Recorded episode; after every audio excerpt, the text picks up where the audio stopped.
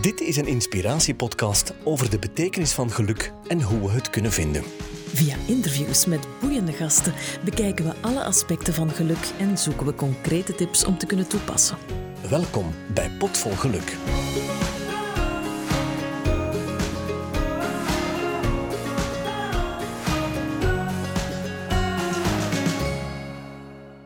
Dit is de derde aflevering van Potvol Geluk. Sophie en ik willen jullie kleine verhalen, maar ook grote verhalen presenteren. Van mensen in de straat, maar ook van bekende mensen. Want wij allemaal, bekende Vlamingen of niet, zijn vaak op zoek naar het hoogst mogelijke niveau van geluk. En ook Steven Goegebuur, comedian bij uitstek, zoekt regelmatig naar een uitbreiding van zijn contentement. En hij is hier bij ons in de studio. Dag Steven. Beste Steven, van harte welkom hier in onze kleine studio in Heist op den Berg. We zijn heel fier en dankbaar dat je naar hier gekomen bent. Zie je het Ja, zitten? Zeker en vast. eh, zelden in zo'n gezellige, knusse studio gezeten. Super. Steven, ik ga, ik ga beginnen met een, eh, met, met een ervaring die ik met jou gehad heb, maar jij weet dat nog niet. Dus ik ben naar een van uw shows komen kijken in Westerlo. Ehm super grappig. Oh, ik heb gelachen, ik heb gelachen. Ehm, en dan op een bepaald moment veranderde de teneur van de voorstelling zo'n beetje. Ehm, uw persoonlijk verhaal, uw eh, aankomende scheiding kwam in het beeld. En ik was er zo van aangedaan. Dat, was, dat kwam echt Ik heb mij ook nog precies nog niet dikwijls zo gegeneerd gevoeld dat ik zo hard gelachen had daarvoor met uw situatie. Ehm, en ik ben daar zo heel leeg en ontdaan van naar huis gegaan.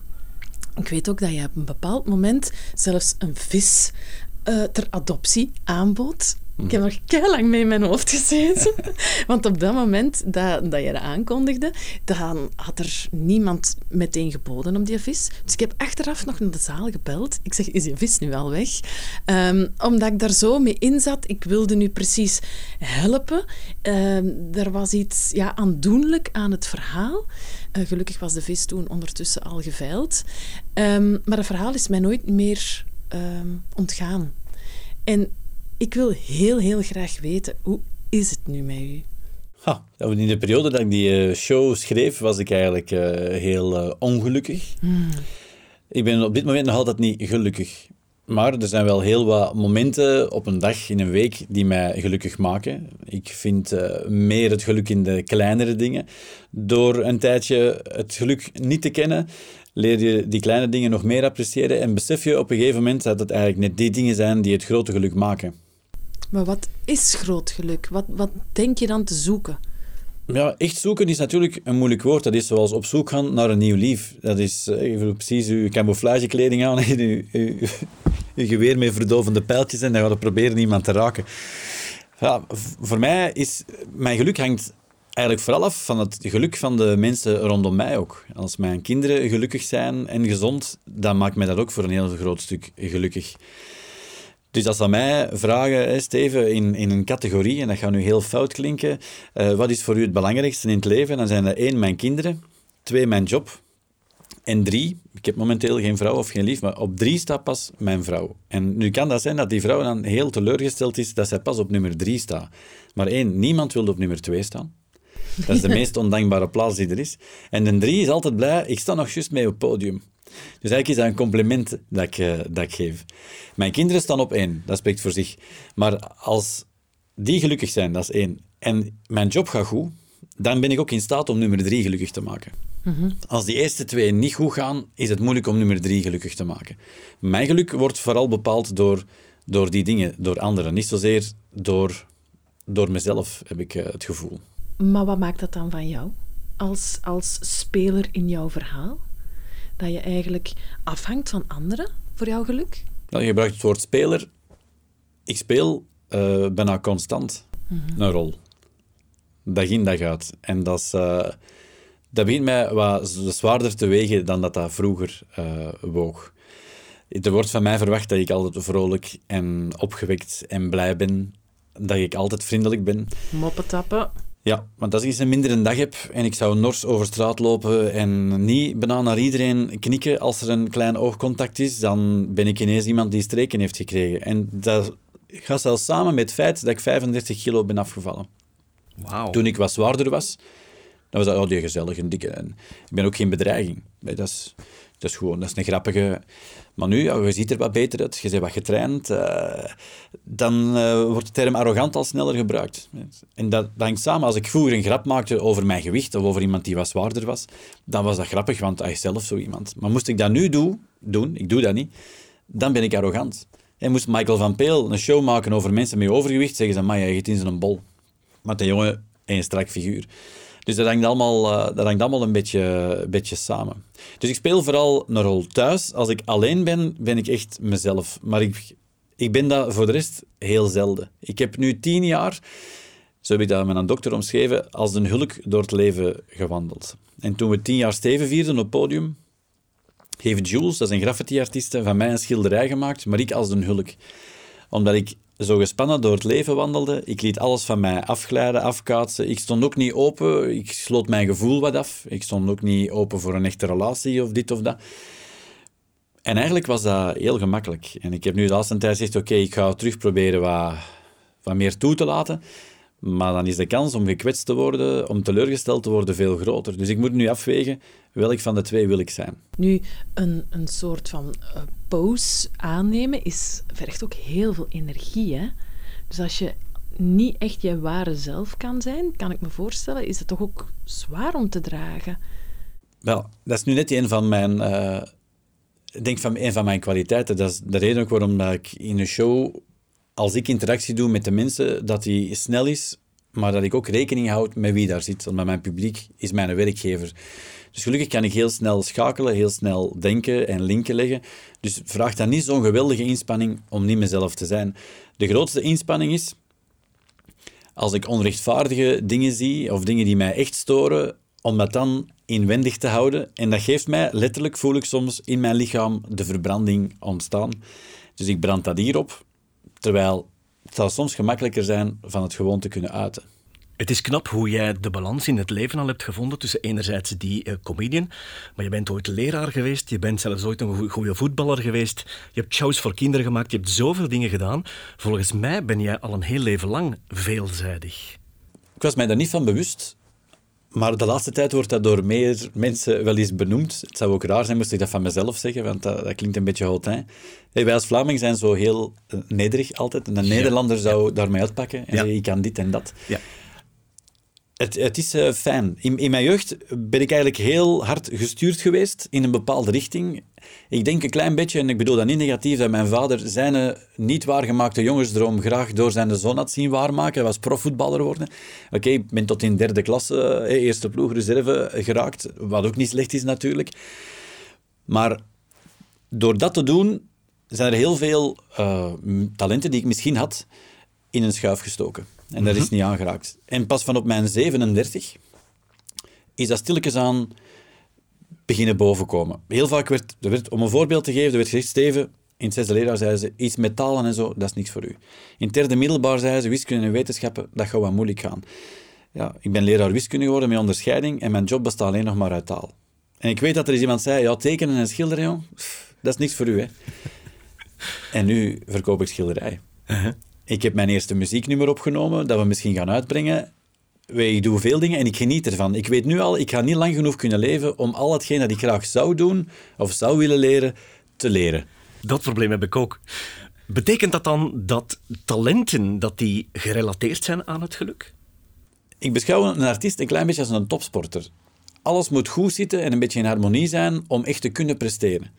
En als dat niet is, is dat moeilijk. Als Remco Evenepoel uh, een kleine blessure heeft of Ambras met zijn lief een slechte nacht heeft gehad of iets anders, dan gaat je in de Giro niet zo goed presteren als dat hij dat nu doet. En ik voel dat dat bij mij ook is. Ik heb nog niet zo lang geleden vier maanden niet geschilderd en niet geschreven, omdat in mijn hoofd niet ging. Ik was constant aan andere dingen aan het denken. Ik kreeg mijn focus niet goed.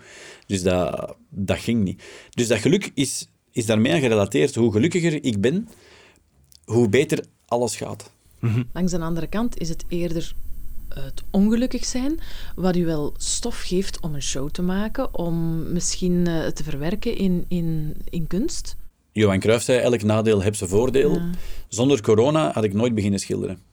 Echt? Oké. Ja. Dus gekomen Hannes Dazen, dat is de zoon van Dr. Leconte en Bega Dazen, beeldhoudster. Dat is een persoonlijke vriend van mij. Die ging een galerij openen in Knokken.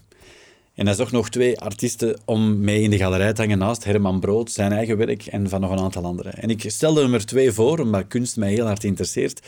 En het paste niet echt in zijn concept. En ik had die zomer elk van mijn kinderen een schildersdoekje gegeven, mezelf eentje, en we waren beginnen schilderen. En ik had mijn publiek geschilderd dat ik miste. Maar het was nog niet helemaal af. En voor de grap stuur ik dat door naar hem. En hij ziet dat, hij vertelt eens, ik doe mijn verhaal, zeg ja, dat is mijn publiek dat ik mis. De personen erop zijn genderneutraal.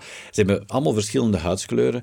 Um, geen gelaatsuitdrukking, je kan ze zelf invullen, maar toch zie je naar waar iedereen kijkt. Hij vond dat interessant, hij zei ik wil vijf werken van u voor in mijn galerij. Nu, de tweede lockdown heeft beslist dat die uh, tentoonstelling niet kon doorgaan. Maar zonder die kleine push had dat niet gelukt. En een belangrijke boodschap, moesten er ook jongeren luisteren naar uw podcast. Er is tegen mij vroeger heel vaak gezegd, ja, jij kunt dat niet. Of nee, dat is, jij bent niet goed genoeg voor dit en niet goed genoeg voor dat. En dan kun je in een hoekje gaan zitten en denken, ja, ja, dat is waar. Ja, dat kan ik niet. Maar ik ben net andersom. Ik weet heel goed wat ik wel en niet kan. En als ik ervoor ga, ga ik er 200% voor. En denk ik eigenlijk vaak al twee, drie projecten verder. En dan lukt dat. Je moet in jezelf geloven. Maar heeft geluk dan te maken met bijvoorbeeld een gelukkig toeval? Hè? Die persoon nodigt u uit voor, voor, uw voor zijn expositie. Of heeft geluk dan te maken met die flexibiliteit of er, ja, een, een, een, te blijven geloven in jezelf? Geloven in jezelf, durven springen. Als ik de raad van mijn ouders had opgevolgd, die hadden gezegd, je gaat je onderwijscarrière toch niet opgeven voor zo op het podium te staan en wat grappen te vertellen. En ik dacht, ja, maar ik zag wat de anderen deden, ik zag wat ik deed en ik wist, ik heb nog een marge, ik kan nog groeien. Dus ik ga dat doen. Ik kon ook een van de velen zijn die bijna in elk gesprek met zijn vrienden op een gegeven moment zegt, ja, ik had dat moeten doen. Ja, dat had ik ook nog moeten doen. Ja, ik zou dat ook eens moeten doen. En ik kom die een jaar later tegen en die zegt dat nog altijd. Ik zeg, jongen, doe dat dan. Maar mensen klampen zich vast aan die vaste benoeming. Schaf dat af in het onderwijs. Veel leraars die nog andere talenten hebben, zouden het eens durven. En diegenen die niet geschikt zijn voor het onderwijs, zouden rapper weggaan. Alleen de echt gedreven goede leerkrachten zouden blijven. Welke goede raad moeten wij dan meegeven aan die jongeren die het gewend zijn om naar hun ouders te luisteren? Want op een gegeven moment kantelt dat. Ze worden, ze worden puber, ze worden volwassen. En ergens moet het besef komen, ik moet hier mijn eigen drive, mijn eigen push, mijn eigen intuïtie volgen. Ik heb ooit een quote geschreven waarin ik zei, het is niet belangrijk of je in de maat loopt of uit de maat. Belangrijk is dat je je eigen ritme vindt. En er is een periode in je leven dat je naar je ouders moet luisteren. Maar dat wil niet zeggen dat je daarom je dromen moet opgeven. Soms moet je ze even uitstellen, maar je moet ze daarom niet opgeven. Dus blijf die gewoon volgen, maar zij realistisch. En een kunst is om de goede raad van de slechte raad te onderscheiden. En als je met mensen samenwerkt, zoals met mijn regisseur ook, dan is dat heel belangrijk dat je luistert, maar uiteindelijk doe jij met die informatie, met die raad, wat je er zelf mee wilt doen. En je moet realistisch zijn ook. En heel belangrijk zijn dan uw vrienden. Mijn vrienden zijn goede, kritische mensen. Die zijn niet altijd akkoord met hetgeen dat ik zeg. Maar dat mag ook. Bij de jeugd worden vaak vrienden die moeten, die moeten altijd eens zijn. Die zien hetzelfde programma graag, die vinden hetzelfde lekker. Dat is, maar vriendschap wil zeggen dat je elkaar zo graag hebt, dat je durft zeggen tegen een ander, hé hey, daar zou ik toch mee oppassen. Dat zou ik niet doen. En dan nog kun je zien wat dat je ermee doet. Dus durven, durven dromen, er durven voor gaan, maar realistisch zijn. En u omringen met mensen die het beste met u voor hebben. Met positieve, kritische mensen. Niet met ja-knikkers. Met ja-knikkers zeiden niks uh, in het leven. Om, een kleine anekdote te vertellen. Ik hoorde iemand die zei, ja, in mijn vriendkring, de Bart, ja, die heeft een drankprobleem. Zeg, maar je wel eens gezegd aan een Bart? Ja, nee, dat is nogal moeilijk. Ja, maar weet wat om kwaad worden? Ik zeg, laat hem kwaad worden. Zeg, maar je moet dat zeggen, Bart, doet er iets aan, man. Ik, ik zie je zo graag dat je dat erg vindt, dat jij dat probleem... Maar heel vaak durven mensen dat niet doen. Ik was op mijn 16 niet zo, maar ik ga nu door het leven, als er mij iets niet zint, dan zeg ik het. En in mijn verhaal, ja, wie meegaat in mijn verhaal, die gaat mee. En wie niet meegaat in mijn verhaal, die gaat eruit. En waar in die eerlijkheid komt dan die saus van de humor? Al lachend zegt men de, de waarheid. Door de manier waarop je dingen vertel, twijfelden mensen soms, is het nu echt of is het niet echt? Maar het is wel verteld en het zet ze tot nadenken aan heel vaak. humor is voor mij ook een manier van uh, overleven, de dingen wat luchtiger maken, uh, voor mezelf ook en, en voor anderen. Maar het gebeurt ook dat ik eh, op het podium genees ik. Dus dat geeft mij, geeft mij kracht. Die lach van dat publiek, dat applaus, dat geeft mij energie. Soms ga ik bijna ziek het podium op en kom ik genezen eraf. En ik hoop van de mensen die komen kijken, soms hetzelfde. Een zware week gehad, ze komen kijken, ze gaan opgelucht en blij naar huis. Ooit heb ik gezegd dat een goede show door de ziekenkast zou moeten terugbetaald worden. uh, maar het gebeurt ook dat ik nadien mijn kleedkamer binnenga en ga zitten en terug... Ja, gewoon aan het dagdagelijks overvalt mij dan en die lach verdwijnt, verdwijnt dan wel eens. Ja. Wat doet dat dan met u? Ja, soms moet ik mezelf eens uh, oppeppen. Soms doe ik dat letterlijk, met woorden. Ik kom soms ook van het podium en dan ga ik de kleedkamer binnen en zeg ik tegen de spiegel, wie is de man? Ik ben de man, zeg je dat? ik ben toch alleen. Terug humor, dus kan dat zeggen. Ja. terug, terug. Dat is die, die, die, ja, die saus van humor die je er dan moet overvegen. Hè? Omdat je jezelf af en toe ook mag oppeppen. Je mag soms ook wel eens fier zijn op iets dat je zelf gedaan hebt. En wij spreken dat niet uit naar de buitenwereld, maar ik doe dat dan in de spiegel tegen mezelf. Er is niemand die daar kritiek kan op hebben. Of die kan zeggen, zeg, wat doet hem nu? Ik vertel dat nu aan jullie. Er zullen nog altijd mensen een oordeel over hebben, want dat doen mensen graag, een oordeel vellen over anderen. Maar je mag jezelf opheppen. Ik zit soms ook in de zetel dat ik zeg, kom aan, Goegie. Kom aan, gast. Omdat, hoe vaak op een dag krijgen wij een compliment? Veel te weinig. We staan als eerste klaar altijd om te zeggen, dat is niet goed en dat is niet goed. Maar hoe vaak komt er iemand binnen en zeggen wij, amai, je haar ligt goed, of amai, schoon kleken, of gewoon iets anders. Dat wordt veel te weinig gedaan. Als ik mijn voorstelling over pesten op school doe, heb ik zo'n momentje, ik las het niet altijd in, dat een leerling naast mij zeg, zet. Zeg, nu morgen jij een minuut lang alle lelijke woorden zeggen die in u opkomen als jij mij ziet. Ik zeg, ik krijg geen straf. Ik zeg, doe maar. Zeg, al het lelijke dat in uw kop opkomt, zeg, allee, hoofd moet ik dan zeggen, op school, dan moet jij tegen mij zeggen. En die begint, bla, bla, bla, bla. Op het zeg ik, eh, zeg, dat was erover. dus toch even, even die humor om dat te ontkrachten. Tuurlijk. En dan zeg ik, nu moet je een minuut lang alle lieve dingen zeggen tegen mij die in u opkomen. Ik zeg, maar niet slijmen. Hè. En dan, eh, die vallen stil. Kijk eens aan. je ziet er goed uit. Mooi broek. Grappig. Mooi een trui. En, en dan is het al, wat nu? Het lijkt alsof dat, om een compliment te geven dat je iemand beter moet kennen dan om iemand af te breken. En dat is een raar gegeven. Ik doe in de praktijk vaak de oefening om mood boosters te creëren. Dan zeg ik tegen de mensen, het is belangrijk om af en toe iets van het schap te kunnen nemen waarvan je weet, dit gaat mij vrolijke stem. En dan krijg ik altijd een tas koffie en de vogeltjes horen fluiten, maar dan stopt het. Dus mensen vinden vaak niet die reeks van moodboosters en ik vermoed dat jij er zo nog wel hebt. Bij mij is dat zingen. Als ik eh, kan meezingen met iets uit volle borst, eh, dat geeft mij energie, omdat dat ook, de- om te zingen, moet je ademhaling eh, goed controleren. En doordat je ademhaling beter is, kom ik eh, tot rust en dat geeft mij een, een goed gevoel. Bij mij, mijn, mijn thai-boksen, dat is zo intensief. Dat ik ga daar soms eh, zo diep dat ik met een trak op mijn handen naar huis eh, rijd. Maar dat geeft, dan voel ik bijna letterlijk dat die, de, zeggen, de slechte energie mijn lichaam verlaten heeft en heeft plaatsgemaakt voor een ja, eerder euforisch eh, gevoel. Maar ja, dat komt door al die hormonen die vrijkomen met dat sporten. Dus ik heb zowel van die dingen. Ik ga heel vaak wandelen. in de averechten gaan wandelen en dan de binnenwegen pakken, zodat je zo weinig mogelijk volk tegenkomt. Zalig. Want ik heb een heel sociaal beroep, maar ik ben eigenlijk een eenzaad. Dus ik, eenzaamheid is voor mij soms ook al een momentje van geluk. Stilte. Stilte is heel belangrijk, maar moeten we ook niet kunnen of leren onszelf te ontdekken? we moeten de tijd nemen om daar af en toe eens over Ja. eh, na te denken, over te reflecteren. Want dat is iets eh, dat we waarschijnlijk te weinig doen, allee, of velen toch, onszelf een spiegel voorhouden. Ja. We, we leggen het vaak eerder bij anderen dan bij onszelf.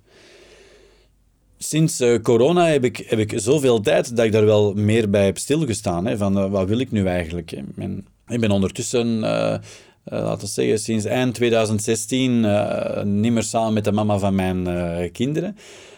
Het lukt mij ook niet om eh 100% open te staan of om ja, op de goede manier iets nieuws te starten. Dat lijkt heel moeilijk te zijn, omdat ik te veel nadenk.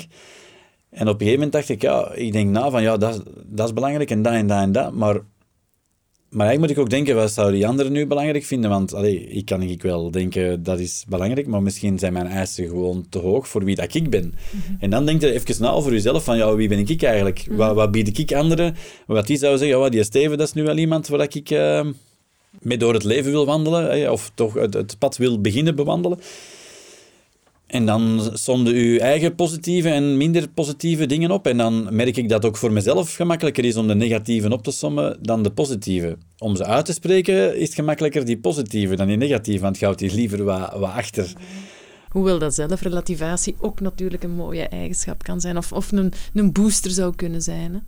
Maar het, zit in mijn hoofd nog wat mijn regisseur ooit zei. Hij zei, Steven, misschien zijn wij ook met de job die wij hebben en het leven dat wij leiden, misschien zijn wij wel gedoemd om alleen te blijven. Misschien, uh, misschien is dat wel zo. Omdat is ook niet zo gemakkelijk. Ik, ik heb co-ouderschap. Dat wil zeggen dat ik een week mijn kinderen heb. In die week dat ik die kinderen heb, ben ik echt daar voor die kinderen. Ik doe die naar school, naar hun hobby, ik ga die halen. Ik krijg warm, vers eten van mij. Ik smeer die een boterham s morgens. Ik sta ervoor op, vind dat niet erg. En tussen die half negen en drie uur, want de school is om tien à drie gedaan, mensen verwachten dat iedereen iemand heeft die zijn kinderen kan gaan halen. Die uren, ik begrijp dat niet goed. Maar goed, dat is een ander verhaal. Maar daartussen heb ik even tijd om naar de winkel te gaan, uh, te wassen, te plassen en een beetje te schilderen, misschien eens te schrijven, wat mails te beantwoorden. Die dag is zo voorbij. Mm -hmm. Maar die andere week moet ik al het werk dat ik vroeger verspreidde over al de weken, moet ik daarin steken. Dus dan, vanmorgen zijn de kinderen vertrokken, ik heb mij klaargemaakt, ben naar hier gekomen. Zeven ga ik naar huis, komt er weer iemand, gaan we, gaan we samen iets, uh, iets schrijven en wat schilderen. Heb, vanavond moet ik weer ergens naartoe. Morgen vroeg vertrek ik naar uh, Sint-Niklaas om een schilderij af te geven. Dan rijd ik naar Gent om te brainstormen over mijn show. En s'avonds kom ik terug. En zo is dat elke dag. Waar moet ik nog een partner steken? Want als ik in die week dat ik mijn kinderen niet heb, nog tijd moet gaan steken in iemand anders, ja, maar dan, dan kan ik beter terug gaan lesgeven. Als ik nu puur financieel kijk. Hè. Dat geldt toch voor alle um, mensen met een bijzonder beroep, voor alle gescheiden ouders? Dat van ons is zo onregelmatig. Wij werken vooral op de uren dat andere mensen mm -hmm. zich ontspannen. Mm -hmm. Dat zijn de uren waarop uw kinderen thuis zijn. Mm -hmm. Maar ik ben niet het soort vader dat ervoor kiest om een nanny te hebben die dan die week dat ik die kinderen heb, elke avond mijn kinderen van school gaat halen en ik geef ze een kus als ze s morgens wakker worden en ik zie ze voor de rest niet. Dat is een keuze. Dus er zijn heel veel die dat wel kunnen en die dat misschien niet zo erg vinden om te zeggen van ja, kijk, mijn carrière gaat ook voor op mijn kinderen. Dat is een keuze. Ik veroordeel dat niet. Dat is een keuze. Maar ik doe dat niet. En toch vind ik dat het bijzonder charmant klinkt als ik merk hoe jij een balans gevonden hebt tussen al die verschillende kwaliteiten, want jij doet zoveel en dan vind je daar toch nog een prioriteit in. Dat vind ik fantastisch. Dit is eigenlijk al een gouden raad voor iedereen die nu luistert. Omdat mijn hoofd staat nooit stil. Voilà, rusteloos. Ja. Ik ga een, een raar voorbeeld geven. Als, als ik s'morgens wordt uh, de jongste zoon, ah, ik heb één zoon, dus dat is sowieso de jongste, hij wordt Arthur uh, wakker. Ik maak eens een boterhammen, ik doe die naar het station. Die gaat in Lier naar school. Dan kom ik thuis en ik roep Paulien, opstaan. Die heeft tien minuten nodig. In die tien minuten ben ik aan het schilderen. Uh -huh. Tien minuten. Wauw. Die komt beneden en dan vraag ik, wij wilden graag tussen uw boterhammen en dan maak ik dat. Dan doe ik die naar school. Ik moet om negen uur op de bokstraining zijn, maar ik zet dat om kwart na acht op school af. Heb ik nog een kwartier tijd. Ik rij terug naar huis, dat is op, op de terugweg naar de bokstraining. Dan ga ik een kwartier verder schilderen. En dan stap ik in een auto en ga ik trainen. Dus elke moment die er is, wordt ingevuld door iets. Maar dat is dan planmatig schilderen. Dat is dan toch niet in de flow zitten? Die flow zit, ik moet een idee hebben en dan moet ik uh, op papier krijgen. En eens ik dat idee heb, dan... Uh, uiteindelijk is dat schilderen dan, op een gegeven moment wordt, is dat een technisch gegeven. Um, maar terwijl ik dat doe, ontstaan er soms wel nog, nog nieuwe ideeën. Ik kan heel snel uh, schakelen. In een andere, het woord bubbel gebruikte ik al lang voor corona. Ik weet dat ik in een moeilijke periode kreeg een hele vervelende telefoon. Dit telefoongesprek is gedaan. Mijn technieker zegt, Steven, het is tijd, hè? we moeten starten. Ik ben uh, gaan klaarstaan. Het licht gedaan. Ik ga op. Ik zit in mijn bubbel en ik ben twee uur gelukkig. Ik zei altijd, ik ben twee uur per dag echt gelukkig. Dat is op het podium. En dat is mijn bubbel. Ik heb alles onder controle. Er kan, zelfs als er iets gebeurt, kan er niks gebeuren. In Westerlo, ik weet niet dat het de voorstelling was dat het geluid niet goed was in het begin. Ik heb een half uur lang het publiek Ja, toegesproken. Die gingen waar. in een deuk. Ja, ik waar. maak me er helemaal geen zorgen over. Draagt die veelzijdigheid bij aan jouw geluk? Ja, omdat ik niet graag eh, het gevoel zou hebben dat ik aan het vastroesten ben. Op een gegeven moment zat ik op school. Ik gaf les in het VTI in Lier. En ik zat daar s'morgens op die blauwe stoel aan die grijze tafel voor die groen kast. En ik dacht, als ze mij vragen, Steven, 2035, 7 september, waar zijde jij en wat doe jij? Dan moet ik zeggen, ik zit op die stoel, aan die tafel voor die groen kast, met al die zure gezichten hier, en ik word wakker naast dezelfde vrouw in dat huis en dat en dat. En toen dacht ik, nee, dat gaan we niet doen. Het leven is zo mooi, het is soms ook zwaar, maar het is zo mooi, dat ik echt wil geleefd hebben. En nogmaals, ik ga niet alles kunnen doen dat ik ooit zou willen doen, maar ik probeer van zoveel mogelijk mee te pikken. Maar ik weet goed wat ik kan, dus ik filter ook op een goede manier, zodat het goede overblijft. En dat ik misschien heel genoeg tijd heb om zoveel mogelijk van die dingen te doen. Ja. Dus ik verspil geen tijd aan nutteloze dingen. Dat, dat doe ik niet. Je bent, eh, je bent niet alleen veelzijdig, je bent ook een harde werker en je denkt er bovendien ook nog eens stevig over na. Over wat je doet, want alles heeft een reden bij jou. Ja, en gelukkig heb ik nog nooit het gevoel gehad dat ik werk. Ja. Maar alles heeft een... eh, dat klopt, dat heeft nog niemand zo benoemd, maar dat klopt. Alles heeft een, een reden en ik denk goed na. En ik denk al drie stappen verder. Dus ik ben nu bezig met een bepaalde stijl, schilderen. Hannes zei, met die stijl kunnen twee, drie jaar verder. Maar ik weet al wat mijn twee volgende projecten zijn om niet stil te vallen. En dat is, dat is belangrijk. Ze hebben mij ooit een hardwerkende comedian van het land genoemd omdat ik zoveel dingen doe, maar ik doe educatief theater overdag over pesten op school. Ik heb mijn werk voor ATV, waar ik een, eh, een programma mag eh, presenteren. Ik eh, zegen huwelijken in, ik schilder. Ik doe mijn comedy-shows in grote zalen, maar ook in kleine zalen. Ik schrijf af en toe een boek. Ik schrijf ook voor anderen. Ik presenteer hier en daar iets. En al die dingen samen, dat lijkt heel veel. Maar ik heb het, het geluk dat in de periode dat de shows wat minder zijn, dat ik try-out, doe ik wat meer educatief en doe ik wat meer huwelijken. Dat is in de zomerperiode. En als dat weer wat minder, doe ik het ander. Zo blijft dat in balans en zorg ik voor mijn eigen werkzekerheid. Alleen heb ik nu geleerd, het voorbije jaar, anderhalf jaar, dat het meeste van wat ik doe een publiek vraagt. En dat is nu even moeilijk. Dus ik ga nu zoeken om een balans te vinden die een klein, klein beetje anders is dan degene die ik altijd al had, zodat ik, als er ooit nog zo'n periode komt, dat ik misschien niet afhankelijk ben van de steun die ik van de staat krijg, maar kan zeggen, oké, ik schakel bij, ik ga hier wat meer doen, zodat ik daar mijn inkomsten heb en ik kan dan toch eh, verder. Dus ik, ben, ik blijf niet bij de pakken zitten, ik zoek zelf echt wel naar, naar oplossingen. En niet alleen jouw publiek is belangrijk, maar ook die portie humor moet er bij jou ook overal bij insteken, neem ik aan. In alles eigenlijk wel. Voilà. Zelfs in de serieuze dingen die ik doe, zit wat humor. Maar als ze mij vragen, Steven, kom jij iets presenteren? En doe af en toe maar eens tien minuutjes grappig. Dat, doe ik niet. Het moet voor een publiek ook duidelijk zijn, wat, is mijn, wat komt hem doen? En als ik het Antwerp Classic Car Event presenteer, met al die oldtimers, dan ben ik daar om dat te presenteren. Ik zal er wel wat humor in steken, zeg ik, maar verwacht niet van mij dat ik ineens 10 minuten met je micro daar eh, een show kan doen, want dan zeggen mensen, hier, hij wil grappig zijn. Maar er komt iemand aan met een Ferrari F430, knalrood. Ik zeg, amai, zo'n schone Fiat heb ik nog nooit niet gezien. En dan zie je direct dat die mensen ogen naar alle kanten draaien. En dan eh, interview ik die en dan, dan wordt dat een leuk eh, gesprek. Humor zorgt er vaak voor dat de focus van de mensen die luisteren blijft. Soms zeg je, oh, wat zegt hem nu? In de klas was ik soms aan het vertellen. En ik voelde op een gegeven moment, de focus mindert een beetje. Ineens schakel ik over en klap ik in het Hollands. En ineens al die mannen terug... Iedereen wakker. Ja, en iedereen was terug aan het kijken. Ja. En dat zijn kleine, Je kleine moet er maar opkomen ook. Ik vind het echt super grappig. Ja, of gewoon een stilte. Hè. Dus je Ja. praten, zoals ik nu praat, en ineens... Want wiskunde geven aan beroepsstudenten is niet de gemakkelijkste opdracht. Hè? Die mannen zijn heel kritisch. Ja. En die willen van alles ook weten, waarom moeten wij dat kunnen? Ja. En heel vaak kunnen dat uitleggen. En af en toe is dat wat moeilijker om dat, om dat uit te leggen. Ja. Maar dan is het een kunst om ze ja, af en toe ook een succeservaring te geven. Want dat is hetgeen waardoor dat die mannen heel vaak wat ontmoedigd worden. Omdat die heel vaak te horen krijgen, je kunt dat niet, je zit maar in beroeps, je doet dit, je doet dat. Terwijl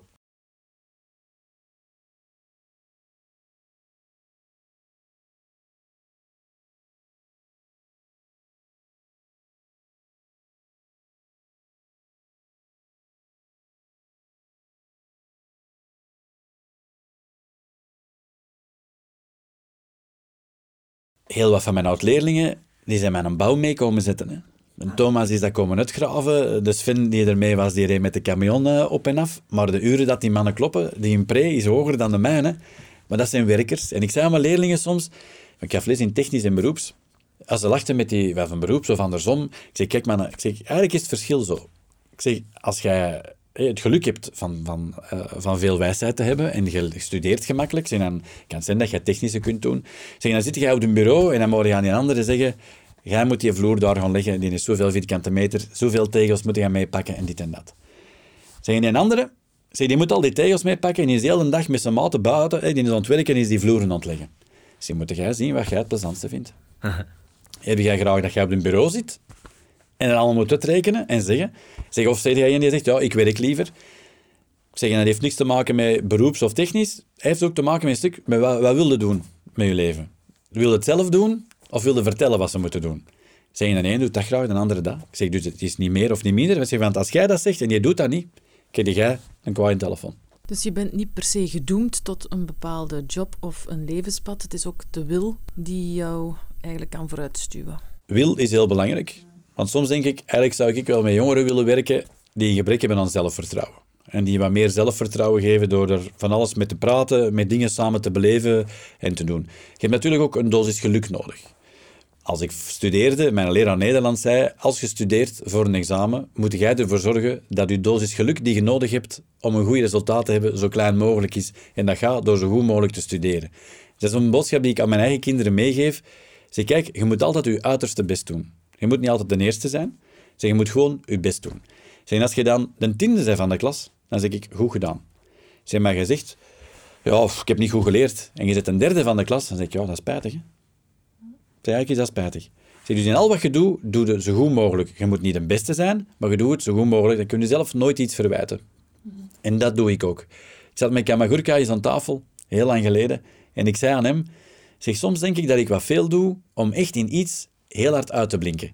En hij zei, dat is bij mij ook, zei, maar misschien blinken wij wel uit in middelmatig zijn. Boah, boah Steven, eerlijk gezegd, als ik, als ik het lijstje zie van wat jij allemaal kan, wat je allemaal doet, bijna alles wat jij door de vingers krijgt wordt goud, bij manier van spreken. Ik bedoel, dat is nu het makkelijke aan de luisteraar die zit te luisteren. Van, ja, die goed gebeuren, alles lukt wat dat hem aanraakt. Ja, dat is, dat is, dat is mooi verwoord, maar dat is, uh, mensen die luisteren ook zeggen, ja, het is wel gemakkelijk als je al een beetje bekend bent en je begint te schilderen, dat je schilderijen verkoopt. Uh -huh. Ja, maar je moet natuurlijk nog altijd wel doen. Als ik dat voorbeeldje waar ik zelf mee lachte niet doorsturen naar Hannes, dan gebeurt dat niet. Mhm. Als ik niet help... Ik ben iemand die zijn uh, collega's, zijn vrienden helpt.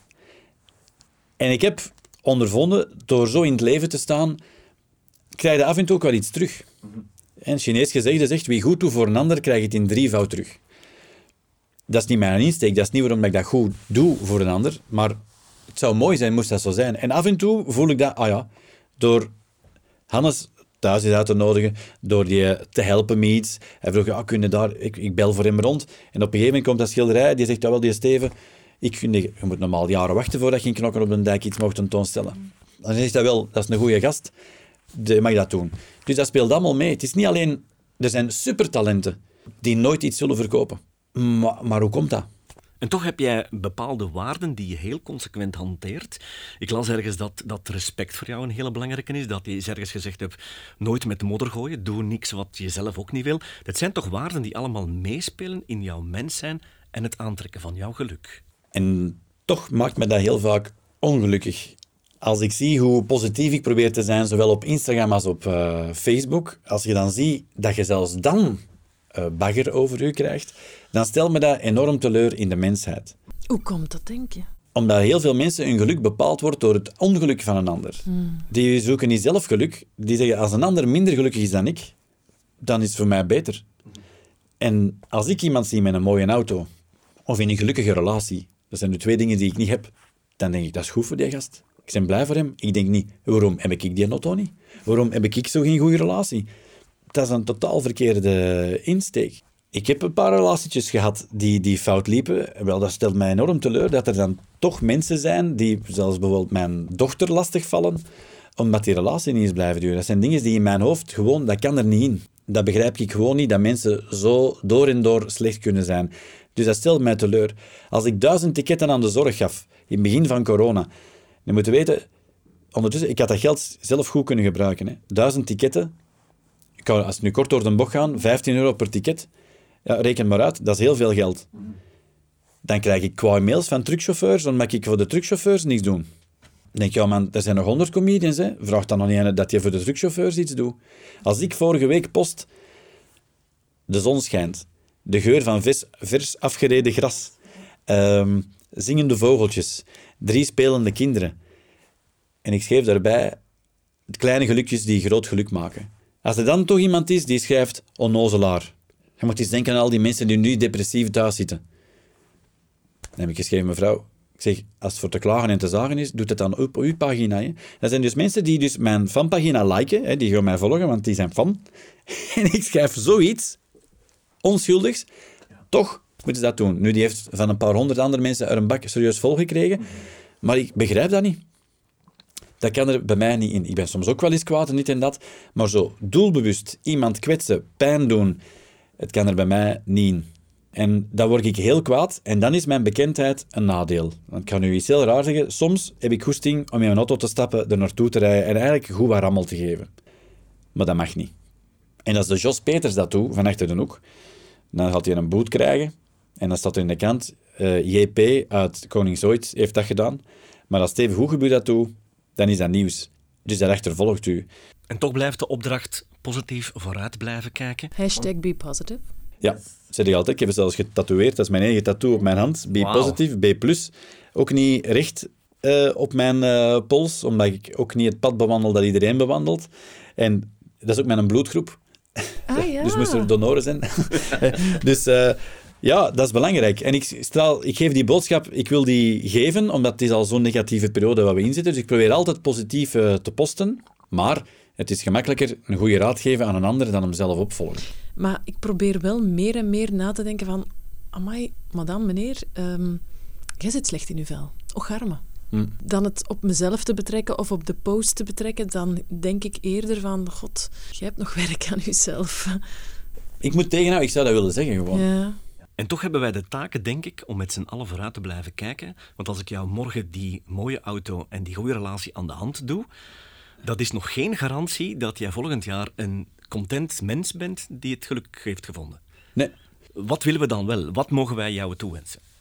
voor een show bid ik altijd. En dan vraag ik altijd eh, drie dingen. En als ik eh, in een kerk kom, vroeger zei ze, als je de eerste keer in een kerk komt, mag je ook mag je drie wensen doen. Eh, dat zei ons moeder altijd, dus ik geloof dat. Maar ik doe dat elke keer als ik in een kerk kom, doe ik hetzelfde. En ik vraag eigenlijk altijd de drie, drie dezelfde dingen. En het eerste dat ik altijd vraag, ik hoop dat mijn, eh, mijn, mijn ex-vrouw en mijn kinderen en ikzelf terug gelukkig mogen worden. Dat is het eerste dat ik vraag. En dan eigenlijk, het klinkt me nou logisch, het tweede dat ik vraag is, ik hoop dat mijn shows, dat die goed blijven en ik dat nog lang mag doen. En dan gezond blijven. En dat zijn, dat zijn eh, belangrijk. Dus als, als die drie dingen eh, er zijn, dan is dat voor mij eigenlijk voldoende. Want als je niet gezond bent, dat is een kruis. hè. Ik ben Peter van Kikhoff, de Kinderkanker-Oudervereniging. Man, dat is eh, zo erg wat je daar allemaal ziet. En dan chapeau hoe vele ouders daarmee omgaan. En toch in die kleine dingen het geluk blijven zien. En dan denk ik soms sommigen en klagen omdat je tomaten niet groeien. Eh, Oké, je kunt niet alles doodrelativeren, maar kinderen moeten ook gelukkig zijn. Als die niet gelukkig zijn, is dat voor je ook niet oké. En eh, ja, uw job, ja, dat, dat- eigenlijk zijn dat de drie dingen die, die ervoor zorgen, of die mijn geluk bepalen. Eigenlijk altijd de drie dezelfde. Wat ik ook wel hoor in jouw verhaal is eh, veerkracht. Ja, dat, dat moet. Hè. Soms, als uw vrienden te zacht en te lief zijn, geraakt er ook niet uit. Dus die veerkracht... En dan mensen, ja, dat erg. hè. Zo maar meepraten. Nee, nee. Dan zeg je, maar on. Allee, Ik denk dat dat heel belangrijk is, eh, met wie je u omringt. Maar dat, het is niet altijd voor iedereen even duidelijk wie hen omringt. Je moet mensen kunnen lezen. En dat is een van mijn, eh, van mijn nadelen. Dat ik kan een neusvleugel of een wenkbrauw of één woord in een zin... Ik ben eh, blijkbaar... dat is onderzocht hooggevoelig. Dus dat zijn dingen die ja, mij heel snel opvallen. En dan weet ik, oh, maar dat klopt niet. Terwijl voor een ander is dat een verhaal. Iemand vertelt drie losse verhalen. één op maandag, één op dinsdag en één op donderdag. En voor de meeste mensen zijn dat drie verhaaltjes. En die horen elk verhaal op zich. Maar ik hoor die drie verhalen. Ik zeg, oeh, die zitten op dezelfde tijdslijn. Maar dan klopt dat niet. Dan klopt die een tijd hier niet. En dan zeg ik dat. En dan lijkt dat een kruisverhoor, of hoe was deze? Maar het is belangrijk dat de- die mensen rond u, dat die zeggen... Bart, kom bij ons iets drinken. En er is geen alcohol in huis. En zij drinken ook niet. Wij doen voor de Bart. Maar toch een fles kopen omdat een Bart verjaart. En zeggen van, ja, maar ja, anders drinkt hem toch ook? Dat is niet oké. Als uw vriendin zegt, ik ben gestopt met drinken. Ik doe dat niet meer, ik voel mij beter als ik niet drink. En je gaat daar op bezoek en je neemt je eigen wijn mee, dan zitten we met een boer.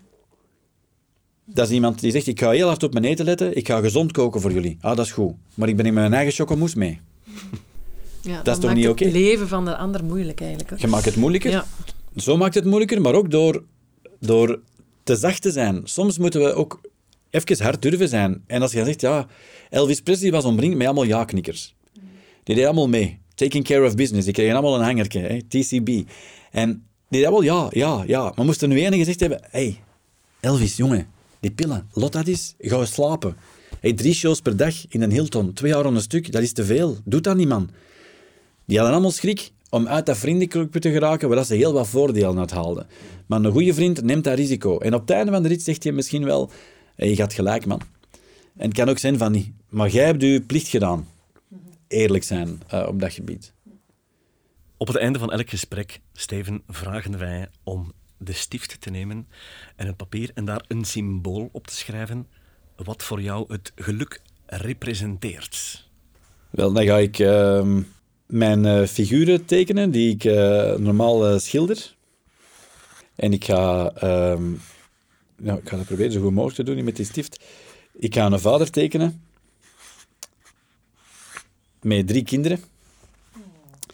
En daarachter, een beetje op afstand, nog een figuur. Maar die is er nog niet bij. Maar misschien, misschien ooit wel. Er was er iemand die tegen mij zei, die zegt mijn schilderijen, ja, dat kan ik ook. Zei, dan moet je dat doen. Hè. Er zijn altijd mensen die over iets praten en er zijn mensen die het doen. Ja, dat is waar. Ik vind het een, een inspirerende reis die jij tot nu toe al afgelegd hebt. En ik wil jou enorm danken voor jouw oprechtheid en eerlijkheid, openheid. En ik wens jou jouw schilderij in de realiteit. Vooruit. Dankjewel, Steven. Het gaat je goed. Dankjewel. Merci voor het gesprek. Heb je inspiratie gevonden uit deze aflevering of kan je het aanbevelen aan anderen? Like of share onze podcast via iTunes, Spotify of jouw podcast-app. Of geef ons een review. Deel ook gerust je eigen ervaringen via onze social media kanalen of via potvolgeluk.be. Deze podcast is een samenwerking tussen School of Luck en Gabriel's House.